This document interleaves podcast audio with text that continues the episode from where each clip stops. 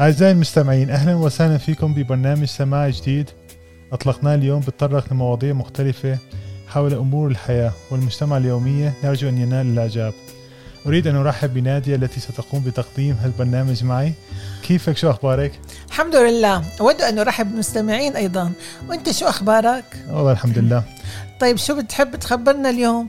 بحب أحكي عن التفاؤل الزايد وخاصة ارتباطه بمنهجية النظر الدائم للنصف الممتلئ من الكوب. العديد من الناس اللي بتعرض لظروف صعبة من محن واختبارات بيحاول أن ينظروا إلى الجانب الإيجابي أو المشرق من المحنة. هذا بيرتبط بالمقولة الشائعة بين الناس. لما الحياة بتسكر قدامك باب بيفتح لك عشرة بداله. أكيد هالطريقة بالتفكير بتساعد الناس على التطور والمضي قدما بحياتهم. ولكن أحيانا عند البعض قد ينقلب هذا التفاؤل الزايد إلى شغلة سلبية. فمثلا الطالب قد يقلل من عواقب الرسوب بالامتحان فبسبب هذا التفاؤل الزايد ما بيدرس جديا للامتحان. هو خير الأمور أوسطها. صحيح. وانت في شيء قريتيه جديد لفت نظرك؟ طبعا. أه وأنا عم أراجع صفحات ال social media. عجبتني قصة بتدور أحداثها. الثمانينات بالقرن الماضي.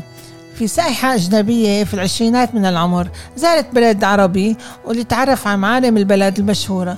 وتتعرف على عادات وثقافات البلد المضيف. فأعجبت فأعجبت بحسن وكرم هذا البلد. فكتبت رسالة ورقية.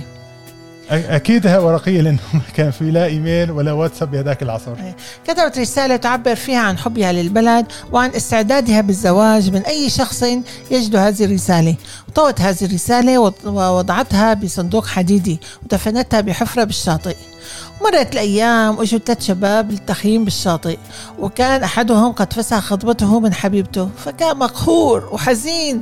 هو عم يتمشى على الشاطئ ويندب حظه العاسر فإذا به يتعسر بالصندوق.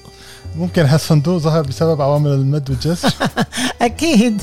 ها فمسك الصندوق متلهفا عسى أن يكون به كنز ففتح الصندوق بعد جهد عسير ووجد ورقة مطوية ففتحها ووجدها بلغة غير مفهومة فمزقها لقهره وانتهت القصة طيب شو الحكمة من هالقصة؟ الحكمة إنه عليك أن تتعلم لغة تانية ويمكن يكون لغة إنجليزية يعني لا ولا تصير مثل هذا الشاب اللي ضيع الفرصة من إيده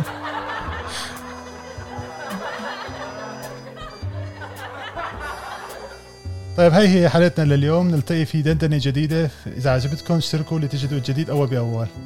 bye bye, bye.